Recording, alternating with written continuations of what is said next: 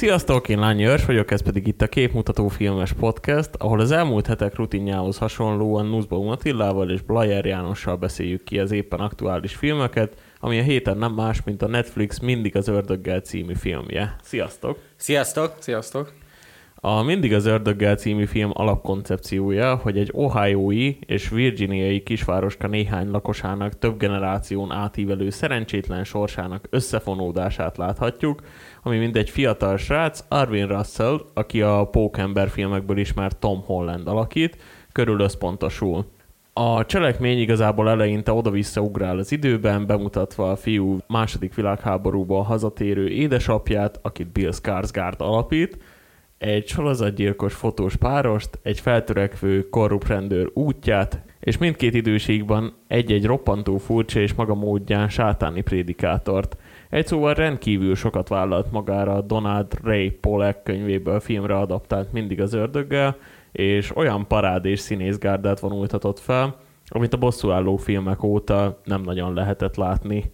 Annyit viszont előjáróban is elmerek árulni, hogy nem biztos, hogy ez a film lesz az, ami feltétlen meggyőzi, vagy kedvet csinál az embereknek ahhoz, hogy ismét a templomba járjanak, és ismét a vallás felé forduljanak. Mi volt nektek a véleményetek a film cselekményéről, és így igazából annak a felépítéséről? Csak nekem volt egy kicsi olyan érzésem, mint hogyha a rendező azért merített volna innen-onnan, és én éreztem egy erős Tarantino behatást, kicsit a Coen fivéreknek is a stílusa benne volt ebbe a filmbe. Mit gondoltatok erről az egészről?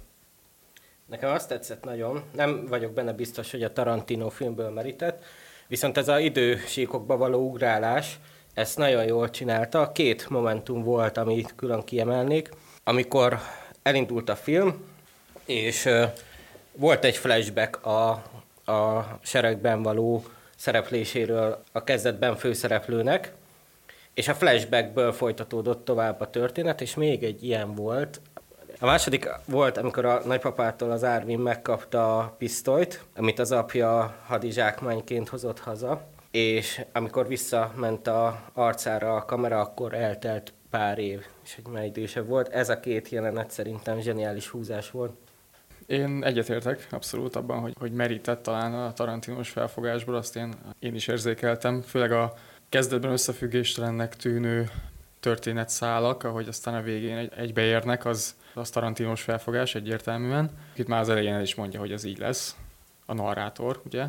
Ő ezt említi. Azért azt lehetett érezni a filmmel, hogy kicsit, mintha túl nagy fába vágta volna a fejszét a rendező azzal, hogy tényleg itt nem csak egy családnak így a több generációjára fókuszál, hanem igazából tényleg több különálló család, ember történetét akarja végigvinni egy két óra, maximum 20 perces filmben. Nagyon sokan mondták azt, hogy lehet, hogy egy kicsit jobb megoldás lett volna, hogyha Netflix azért rutinjához híven mondjuk elgondolkodott volna egy olyan megoldás, hogy mondjuk egy minisorozatként előadni ezt az egészet nektek működött filmként ez az egész, vagy, vagy ti is jobban kibontottátok volna a történeteket, nem csak ilyen glimpseket adtatok volna a nézőnek, hogy mi miért történt, hanem, hanem tényleg jobban ki lehetett volna mondani akár egy minisorozatban. Én mindenféleképpen kibontottam volna jobban. Tehát sok helyen éreztem hiányosságot, főleg a karakterek terén.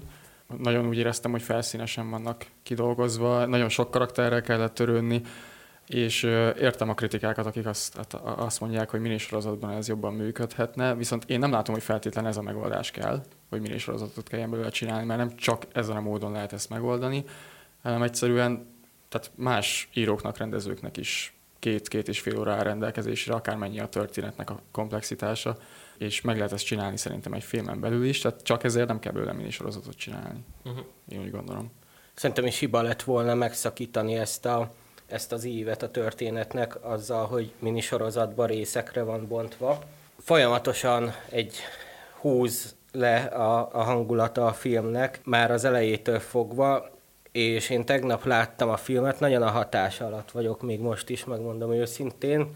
Rendesen egy, egy ilyen szorongó érzés volt, és, és egyre, egy, szerintem ez teljesen tudatosan egyre jobban húzza le az ember kedvét és hangulatát, aminek nyilván ez a célja, és ezért nézünk ilyen filmeket. De hogyha egy sorozatban ezt megszakítottuk volna, és részegre pontva nézzük meg, akkor szerintem nem tudta volna ezt a hatást kiváltani. Uh-huh. Igen, szerintem is az értelmét vesztette volna a külön szálaknak az egybe, egybefonása aztán. Történetről egyébként mit gondoltak? Volt valami, valami mondani valója igazából, vagy, vagy ez átcsapott már néha egy kicsit ilyen öncélú gyilkolászás, igazából horrort azt nem mondanám, mert az szerintem nem volt benne, hanem sokkal inkább ez a naturalista, ilyen brutális déli amerikai film, amit már láthattunk egy párat. Um, igen, én sokat gondolkoztam utána, hogy uh, mi lehet az a célja ennek a filmet, tehát mit, mit, mit akar képviselni, mit akar üzenni, mert uh, éreztem, hogy azért törekszik erre, hogy mondjon dolgokat, és úgy, ahogy sikerül is neki néha, viszont nem tudom pontosan megfogni, hogy mi a, mi a központi elem, mi az összetartó üzenet. Mert több, több dolgot is ki szerette bontani, viszont kicsit felszínesen kezeli mindezt szerintem. Ha, ha másik a címre gondolunk, hogy mindig az ördöggel, tehát akkor ez a különböző karakterek, hogy elvileg hát a legtöbben vallásosak, mégis valami olyan útra térnek, hogy bűnt követnek el, úgymond, és ezért aztán az alapvető büntetése mindenkinek, hogy meghal, tehát tulajdonképpen ezt csinálja. Mm. Vagy véletlenül, ami egy ilyen a sorsa alapján bekövetkezik a karakternek, mert gondoltunk itt arra, amikor meggondolja magát a Lenóra, uh-huh. hogy nem magasztja fel magát mégsem, uh-huh. és aztán mintha egy ilyen isteni beavatkozás lenne, hogy véletlen folytán, aztán mégiscsak. Tehát gondolom ez, ezzel ez volt a cél. Ezt egész jól közvetítette is a film.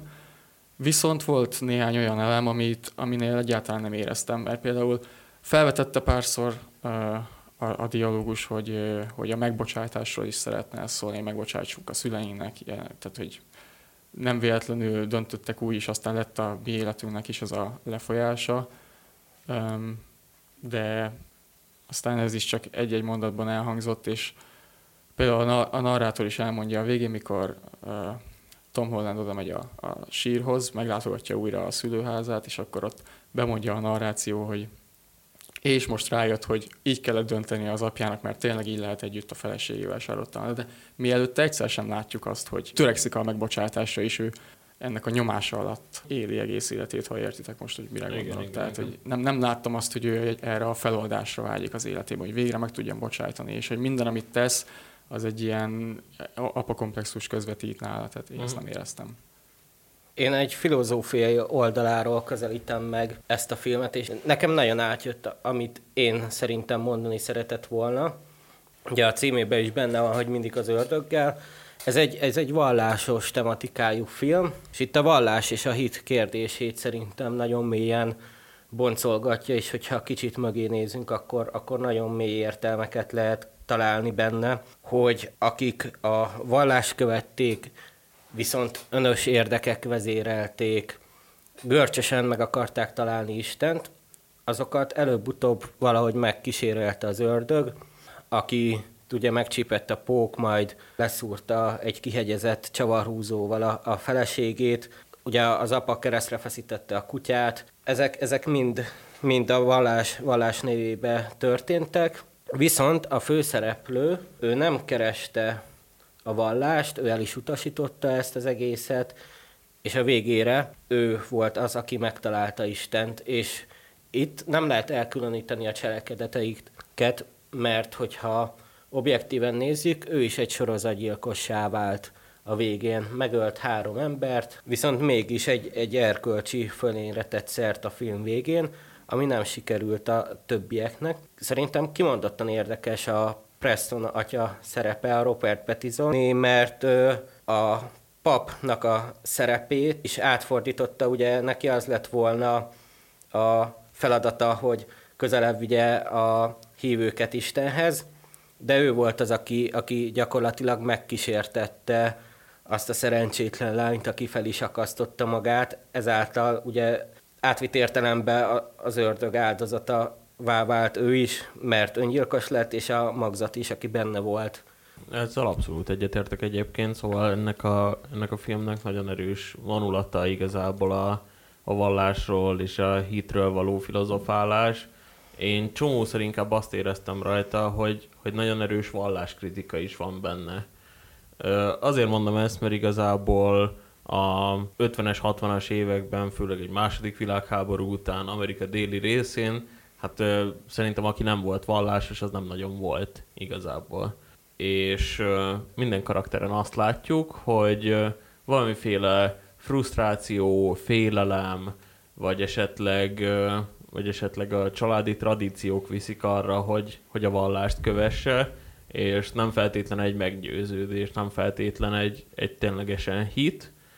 Még a, a főszereplő esetében Arvinnál azt látni, hogy, hogy ő pont azzal válik valódi keresztényé akár, vagy valódi hívővé, hogy nem akar görcsösen megfelelni mindennek, hanem, hanem a saját maga útját járja, és Jézusi módon mindenkit próbál segíteni, amiről igazából szólna ez az egész.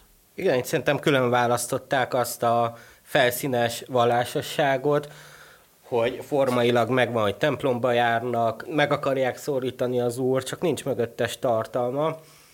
A főszereplő pedig követte a Jézus tanításait, hogy megvédte a hugát, becsületes maradt végig, volt egy értékrendszere, és igazából ez az, ami számított. Ami viszont nagyon érdekes, hogy a főszereplő esetében szerintem nem lehet feltétlen egy, egy kifejezett főszereplőről beszélni, mert, mert tulajdonképpen így a körülötte lévő történéseknek ő így abszolút nem volt tudatában, nem tudta kezelni ezt az egészet, hanem inkább egy elszenvedője volt az egész cselekménynek, és az ő karakterén keresztül inkább azt mutatja be a film, hogy a, még hogyha többszörös hátrányból is indul az ember, mert, mert ő aztán tényleg már hat éves korára mindenkit látott maga körül meghalni, akkor is túl tud nőni ezeken a problémákon, frusztrációkon az ember, és egy előnyösebb életet tud folytatni. Hát a film végén azért nem biztos, hogy úgy lett vége, hogy előnyös lesz az élete. Abszolút nem. De, de megtartotta ezt az erkölcsi előnyt mindenki.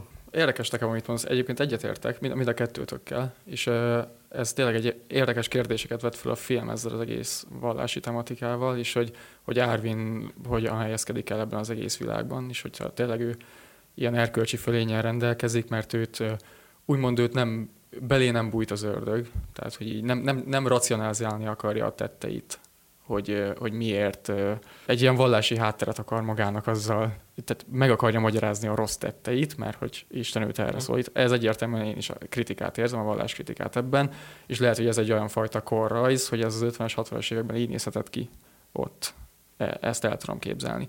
Viszont nem érzem azt a húzó erejét a Arvin karakternek, hogy, hogy, hogy mit mond el erről az egész. Tehát, hogyha tényleg ez a fővonala, ez a vallási kérdés a filmnek, akkor én jobban szerettem volna azt látni, hogy kibontják azt, hogy ő mennyire is utasítja ezt az egész templomba járást, uh-huh. imádkozást, és ő aztán esetleg a végén rátalál, vagy az lesz a végkicsengés, hogy egyáltalán nem talál rá Istenre, és hogy marad minden úgy, ahogy ő uh-huh. korábban gondolta viszont én nem, tehát nem éreztem benne, nem, volt, nem láttam, hogy ő cinikus lenne ezzel az egésszel kapcsolatban. Nem láttam, hogy megkérdőjelezné Isten létét, és, és azokat az dolgokat, amik, amik vele történtek, amiben ő felnőtt, hogy mindenkit elvesztett maga körül, hogy emiatt teljesen elveszítse a reményét a hitben. Tehát én azt, én azt nem láttam. Tehát szerintem ez egy fontosabban nem lett volna. Az azt láttam, hogy, hogy nem ő nem olyan, mint a többi karakter, nem olyan, mint a, nagy, nem olyan, mint a nagyanyja például. Uh-huh. Ő mondta, hogy ő mindig arra búzított mindenkit, hogy menjen imádkozni. Ő volt az egyetlen pozitív vallásos karakter egyébként szerintem. Lehet, hogy még most valaki, uh-huh. csak most őt tudok hirtelen. Hát esetleg az a lány kiragadni. csinált semmi rosszat, amíg meg nem ölte magát.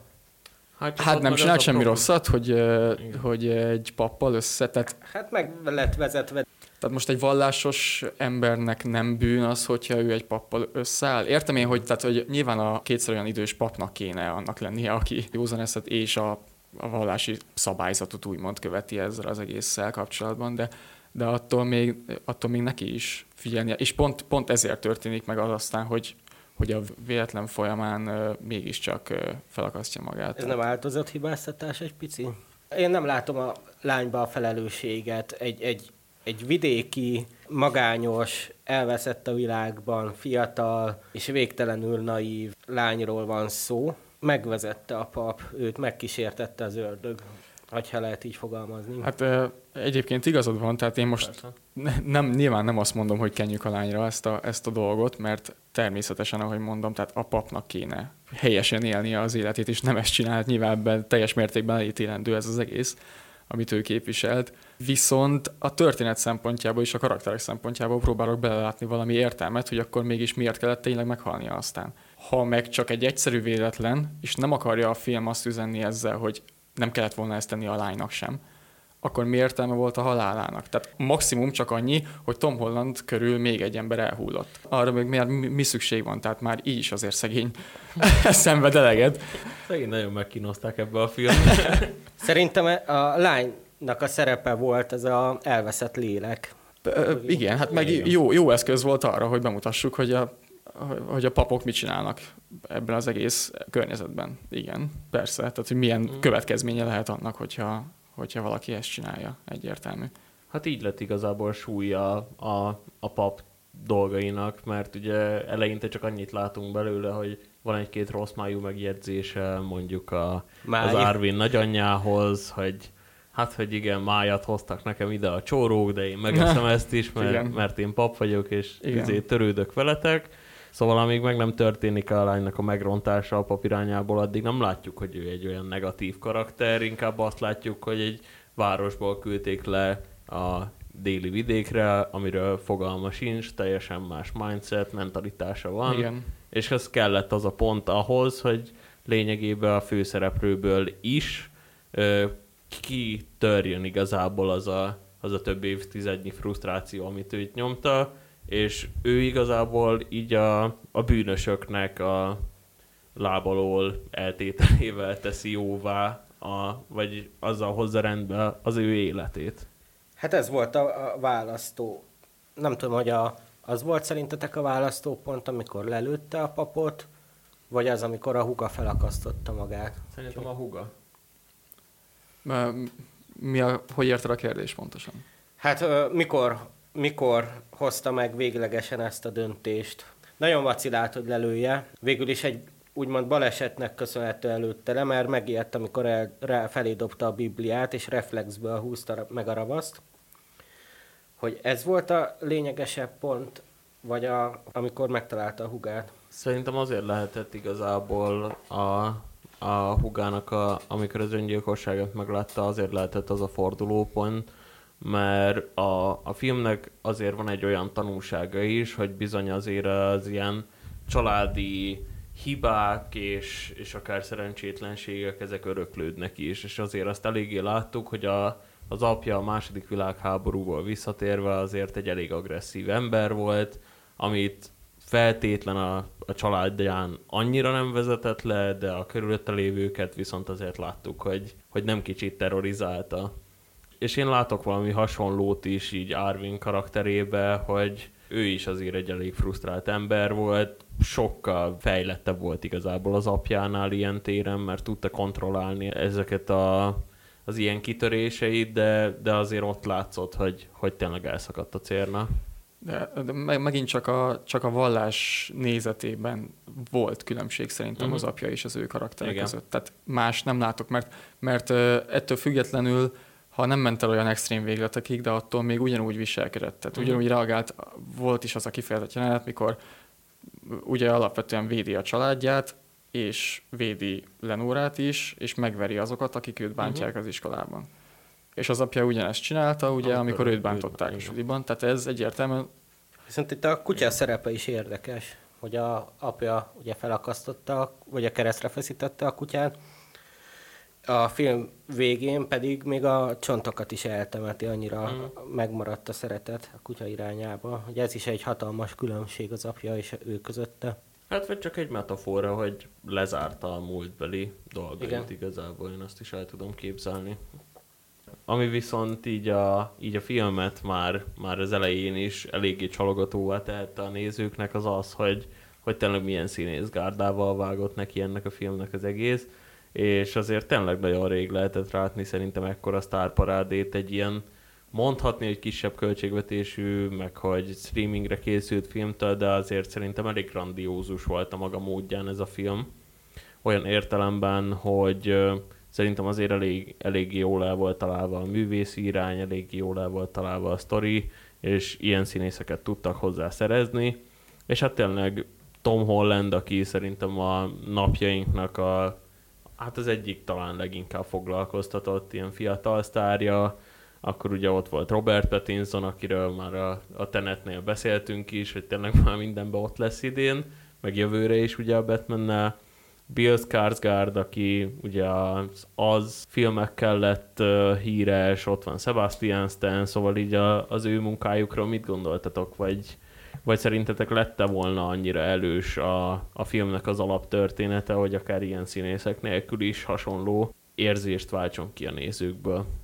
Hát én megint csak azt tudom mondani, hogy néhány karaktertől tekintve én, én, nekem annyira nem tetszett a maga a, a karakterek kidolgozottsága. A színészek jók voltak, tehát szerintem mindenki jól végezte a dolgát, csak nem biztos, hogy szükség volt rá. Lehet, hogy marketing szerepe volt ilyen annak, hogy, hogy ilyen színészeket. Például Robert Pattinsonnak, a, a, ennek a papnak a karaktere, ez amilyen tragikus az egész, meg amilyen ábrázolása van, annyira, annyira gyenge is, szerintem. Tehát, hogy igen, látjuk rossz dolgokat csinál, és aztán próbál mentegetőzni, majd meghal. De nem, nem tudom, gyenge szerintem kicsit, de, de viszont ha már csak a szigorúan a színészekről beszélünk, akkor nekem a, a Bill Skarsgård az, az egyértelműen tetszett nagyon, Tom Holland is, ő volt a legjobb talán, Sebastian Stent nem tudom hova tenni. Uh-huh. Őszintén szóval nem hittem el mindig róla ezt a... Az arc kifejezése olyan... Nagyon láttam, hogy színészkedik. Meg én nem tudtam eldönteni róla, hogy ő tényleg így meghízott erre a szerepre, vagy ah. volt rajta valami maszk, mert, mert akkor viszont a sminkelés volt rossz, mert itt a, a szemgödör környékén ott lehetett látni valamit, úgy arról én nem tudtam eldönteni, hogy ez most valós vagy kamu. Igen, lehet, hogy ez is benne volt. Na, látszott, hogy beállított karakter, mm. nem? Tehát ez, ezért is lehet, mert, mert lehet, hogy sminkelés okozza ezt a kicsit hiteltelen képet róla, nem tudom. Mm. Én a Robert Pattinsonról tudom azt, hogy tudatosan vonult vissza az állistás filmektől egy ideje. Ugye most a, a Tenet és a Batman volt a, az, amivel újra visszajött hogyha lehet ezt művész filmnek nevezni, akkor szerintem ő biztos azért vállalta el, hogy demonstrálja azt, hogy, hogy jó színész. El tudom képzelni, hogy a többiekben is ez, ez benne volt, hogy ezért vállalták el, mert szerintem tényleg ez egy olyan film, hogyha én színész lennék, bármilyen színész, én nem mondanék nemet erre, mert szerintem ez egy kihívás volt jó játszani Mm. Ezzel egyet tudok érteni mindenképp, tehát hogy még így is, hogy, hogy nem tartozik a kedvenc filmjeim közé elvállalni, mindenképp elvállaltam volna én is. Főleg, ha, ha Tom Holland lennék, akkor vállaltam mm. volna leginkább. Tehát akkor minden ilyesmiben kipróbálnám magamat, és vágynék arra, hogy ilyen szerepekre e, kapjak behívást. Ügyesen csinálja azért, igen, hogy nem, igen, nem igen. hagyja magát beskatujázni annyira a pókember szerepbe. Igen, igen, így van. Szerintem ezt... több helyen is, hogy tényleg jó színész. Ezt csinálja szerintem folytassa mindenképp. És ami a másik, ami engem teljesen letaglózott, hogy Robert Pattinson és Tom Holland esetében is brit színészről beszélünk, és parádésan jól hozták ezt a déli akcentust. Igen, nagyon jól beszélnek, ez nekem is tetszett. Tehát róluk ezt teljesen elhittem. Megint csak a Sebastian Stan, akinek kevésbé. Mm. Nem tudom, Igen. hogy nem, nem biztos, hogy rosszul csinálta ő ezt az egészet, nem erről van szó, csak a többiekhez képest gyengébbre sikerült. Hát és akkor azt látjuk ugye a filmben, hogy ez az 50-es, 60-as éveket mutatja be. Nektek így a, az egész látványtervezés, így a, a vibe az egész filmnek, amit így átadott, ez mennyire találta el ezt a korszakot? Vagy ezt a korszellemet igazából, ami akkor uralkodhatott? Az nekem nagyon tetszett. Tehát ne, nekem a, a fényképezés, minden, tehát a látvány, hogy ilyen minimalista volt, és jól átadta bármi is legyen akkor végül is a szellemi hátter ennek a filmnek ez az, amiben igazad van, hogy a, a, a Cohen megoldásokra arra hasonlít, mert ők ezt szokták. Mm. Egyet tudok érteni, a hajak, a stílus, a ruhák, nagyon, nagyon jó hangulatú van szerintem. Narrálásról mit gondoltatok azért? Ez nagyon sokakat megosztott. Annyi fact még itt bedobnék, hogy aki az eredeti könyvet írta, Donald Ray Pollack volt az, aki ezt az egész filmet narrálta, ezzel is kicsit metává téve az egészet, mi volt a véleményetek róla? Kellett ez bele, vagy ez inkább annak volt köszönhető, hogy nem tudtak mindent átadni vizuálisan, ezért oda kellett mondani bizonyos dolgokat, hogy megértse a néző? Hát most a narrálásnak a, az egyetlen érdemi oka szerintem, az az, hogyha tényleg nem tudnak valamit átadni, tehát hogyha nem lehet cselekményben vagy dialógusban bemutatni valamit, akkor narrációt kell használni, de tényleg csak legvégső esetben szerintem. És itt néha úgy éreztem, hogy oké, okay, tehát hogyha így a, az elején, amiket mondtak, hogy milyen távolságra van egymástól a két város, ez, ez volt a, a díszlete a filmnek, összefogta, hogy mm. hol fog történni a cselekmény, ez, ez jó volt. De amikor olyan okai vannak a narrációnak, amit meg lehetne oldani úgy, hogy a, tehát nem véletlen van ott a színész, nem véletlen fizetik ki a színész, mint a Tom Hollandet, hogy főleg a végén, amikor ül a kocsiban, én ezt, ne, ezt annyiszor megcsinálják filmekben, és sosem értem a narrációnak ezt a szerepét. Hát bízunk szerintem annyira a nézőben, hogy el tudja, hogy, hogy egy, egy ilyen feloldást kapjon önmagától a film végén, tehát hogy ő mit gondol, mint néző, és, és milyen, milyen különböző uh, interpretációi lehetnek a nézőknek. Ez, ez, lenne a, ez lenne a lényeg, hogy ott ül egy kocsiban, nem véletlen látjuk egy-másfél percen keresztül. Ez az a pontja a filmnek, amikor az néző gondolkozhat, hogy most ő vajon mit érez, hogy mi zajlódik le benne, hogy most tényleg mindez, amit eddig elmondtunk a cselekményről és a karakterről, az viszont, hogyha a szádba rágja a narrátor ezt az egészet, mm nem Tom Holland beszél, nem Tom Holland csinál semmit, nem reagál érzelmileg, azon kívül, hogy fáradt és elalszik, és egy narrátor elmondja neked, hogy mit érez, és hogy most mit érez a karakter, én ezt semmiféleképpen nem tudom támogatni. Alap, nem vagyok egyáltalán hiva a narrációnak, csak ebben az egy kivételes esetben, de szerintem ma lehet, mindenképp kerüljük el, és lehet, hogy igazából csak Tarantinot akarta ezzel utánozni mm. az egész felfogással, mert ő gyakran használja, és egyébként ő jobban is én ezt megint másik oldalról közelítem meg, szerintem ez egy plusz csavar volt, mert ugye a film címe az, hogy mindig az ördöggel, és folyamatosan vártam, hogy kiderüljön, hogy ki a narrátor, ki a narrátor, és amikor a végén se derült ki, egyszer csak vége lett a filmnek, akkor elkezdtem gondolkozni, hogy akkor gyakorlatilag ő Isten, vagy a ördög, aki folyamatosan látta a történéseket, és végig vele volt a, a sráccal. Lehet, hogy ez már egy erőltetett belemagyarázás, de... Érdekes. Erre egyáltalán nem hát, gondoltam eddig. Én sem, meg hát egy egészen új színbe tüntetném fel az egészen. Ha ez így van, akkor, akkor tök jó. Olyan szinten mondta, tényleg, mint hogyha ott lett volna. Mm. Hát Roy elvitte kocsikázni ugye a feleségét, akkor a narrátor mondta azt, hogy ekkor látta utoljára a lányát, érzelmeket is mondott. Nem tudom, a film végén nekem, nekem nagyon furcsa volt a, a narrációnak a behozása, már csak azért is, mert mert szerintem azért volt egy katartikus vége ennek az egésznek, amikor ugye ott van a Tom Holland és a, aki erre volt a nő tulajdonképpen egy kocsiba, egymásra szegezik a pisztolyt, és hát meg van magyarázva az egész, hogy a nő azért nem, nem tud tovább élni, mert ugye a férje se bízott meg benne.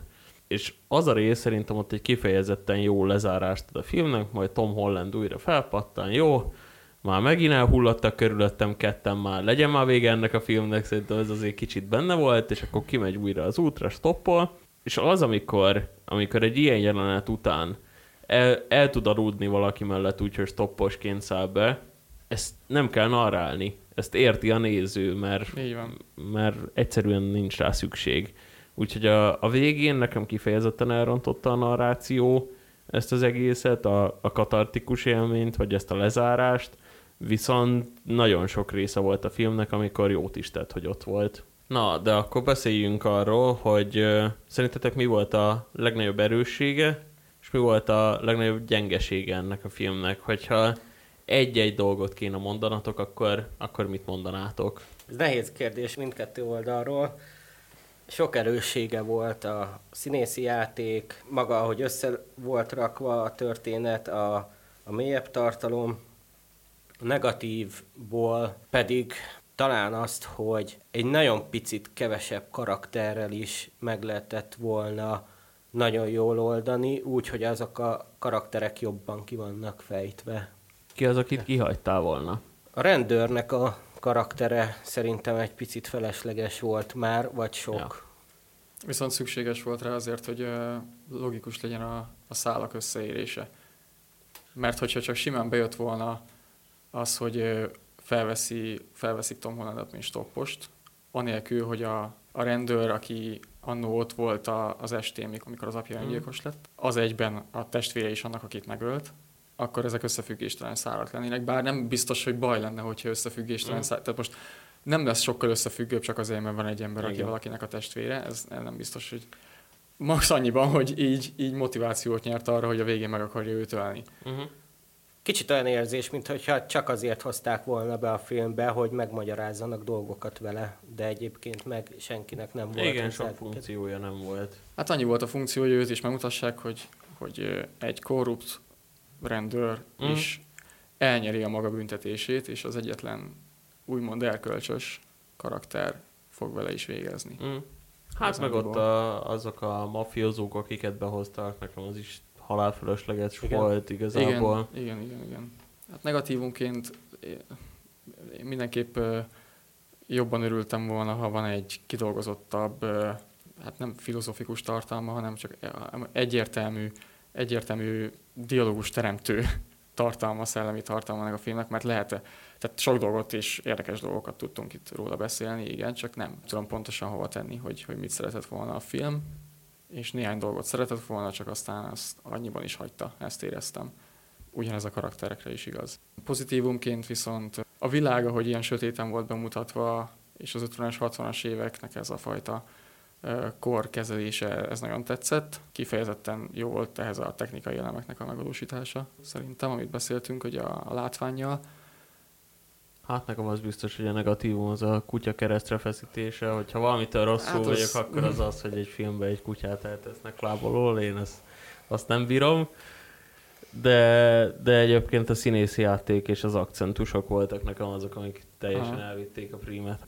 Amíg eszembe jutott, ezt nem mondtam, hogy szerintem felesleges volt a brutalitásnak a mértéke ebben a mm. filmben. Számomra legalábbis. Lehet, hogy tehát amit te is itt a kutyás példát, nem tudom, ezekre mi szükség van azon kívül, mm. hogy hány ingert kelt a nézőben. Tényleg, tehát, hogy Nekem ez kellett ahhoz, hogy olyan hangulatba tudjak kerülni. Nyilván borzasztó, mm. meg borzongtató, de, de elérte a célja. Hogyha nagyon el akarnám magyarázni, akkor igazából lehetne az, hogy már annyira kétségbe esett volt az apja, így, hogy elvesztette a feleségét, hogy, hogy tulajdonképpen már ez ilyen leg, legkorábbi, ilyen legbarbárabb vallási technikákhoz nyúlt vissza, hát ha ez, ez már teljes igen. kétségbeesettség volt nála. Hát azért rendesen sziopata is volt mellette. Hát igen. Igen, de hát hm. szerintem ebbe a filmben senki nem volt hiány ennek.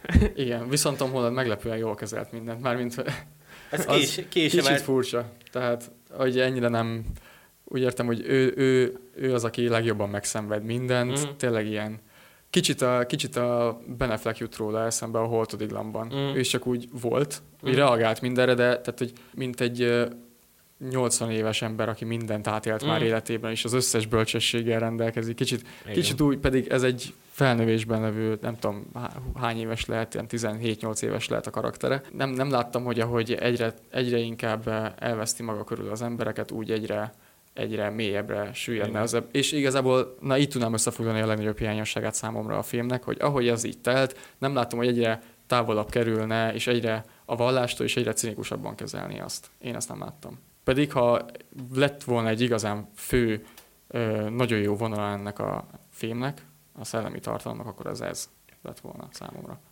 Maga a személye nem volt elutasító, ugye ő olyan szinten nem érdekelte a vallás, hogy nem látta értelmét, de, de nem volt ellene. Uh-huh. Egyébként meg a film elején ki is emelték, hogy egy 400 fős közösség, és mindenki rokona már mindenkinek. Igen. Úgyhogy az is megmagyarázhatja, hogy miért ő volt az egyetlen normális. Igen. Igen, csak a narráció végén, megint csak amikor a kocsiban ül, a végső narráció ott is elmondja, hogy lehet, hogy ha most katonának szeretne menni, akkor a nagyanyja imádkozna érte, és lehet, hogy erre Árvin csak nevetne. Ezt mondja a narráció. Most akkor ez, tehát ez nem azt sugalja, hogy ha már a narráció sugal valamit, akkor, akkor nem azt sugalja, hogy, hogy cinikus a vallással? Tehát, hogy lehet, hogy már csak nevetne. És lehet, hogy a, az egész film arról szólt, hogy a narrátor volt a gonosz, és igazából csak az Árvint próbálta megkísérteni, és amikor a végén elaludt a kocsiba, akkor engedte, hogy hát nem lehet vele mit kezdeni. És ezért volt annyira erős jelenléte a narrációnak. Sok mindent akarunk értelmezni ezen a filmen, amik, Igen. amiket ők nem biztos, Kicsit hogy oda többet, szántak. mint a rendező szerintem. De, de igen, amúgy abszolút benne lehet egy ilyen is. Teremts meg a saját igazságod, és akkor csak még, még jobban fogod szeretni a filmet. Na, hát nagyon szépen köszi, hogy itt voltatok velem. Szerintem azért úgy tényleg szegről végről azért csak kibeszéltük ezt a filmet. Blajer Jánosnak és Nussbaum Attilának köszönöm szépen. Sziasztok! Sziasztok! Nektek is köszönjük, hogy hallgattatok minket, hallgassatok minket a továbbiakban is, hallgassátok a jövő rádiót és a jövő tévét is nézzétek. Hamarosan újra találkozunk, addig is sziasztok!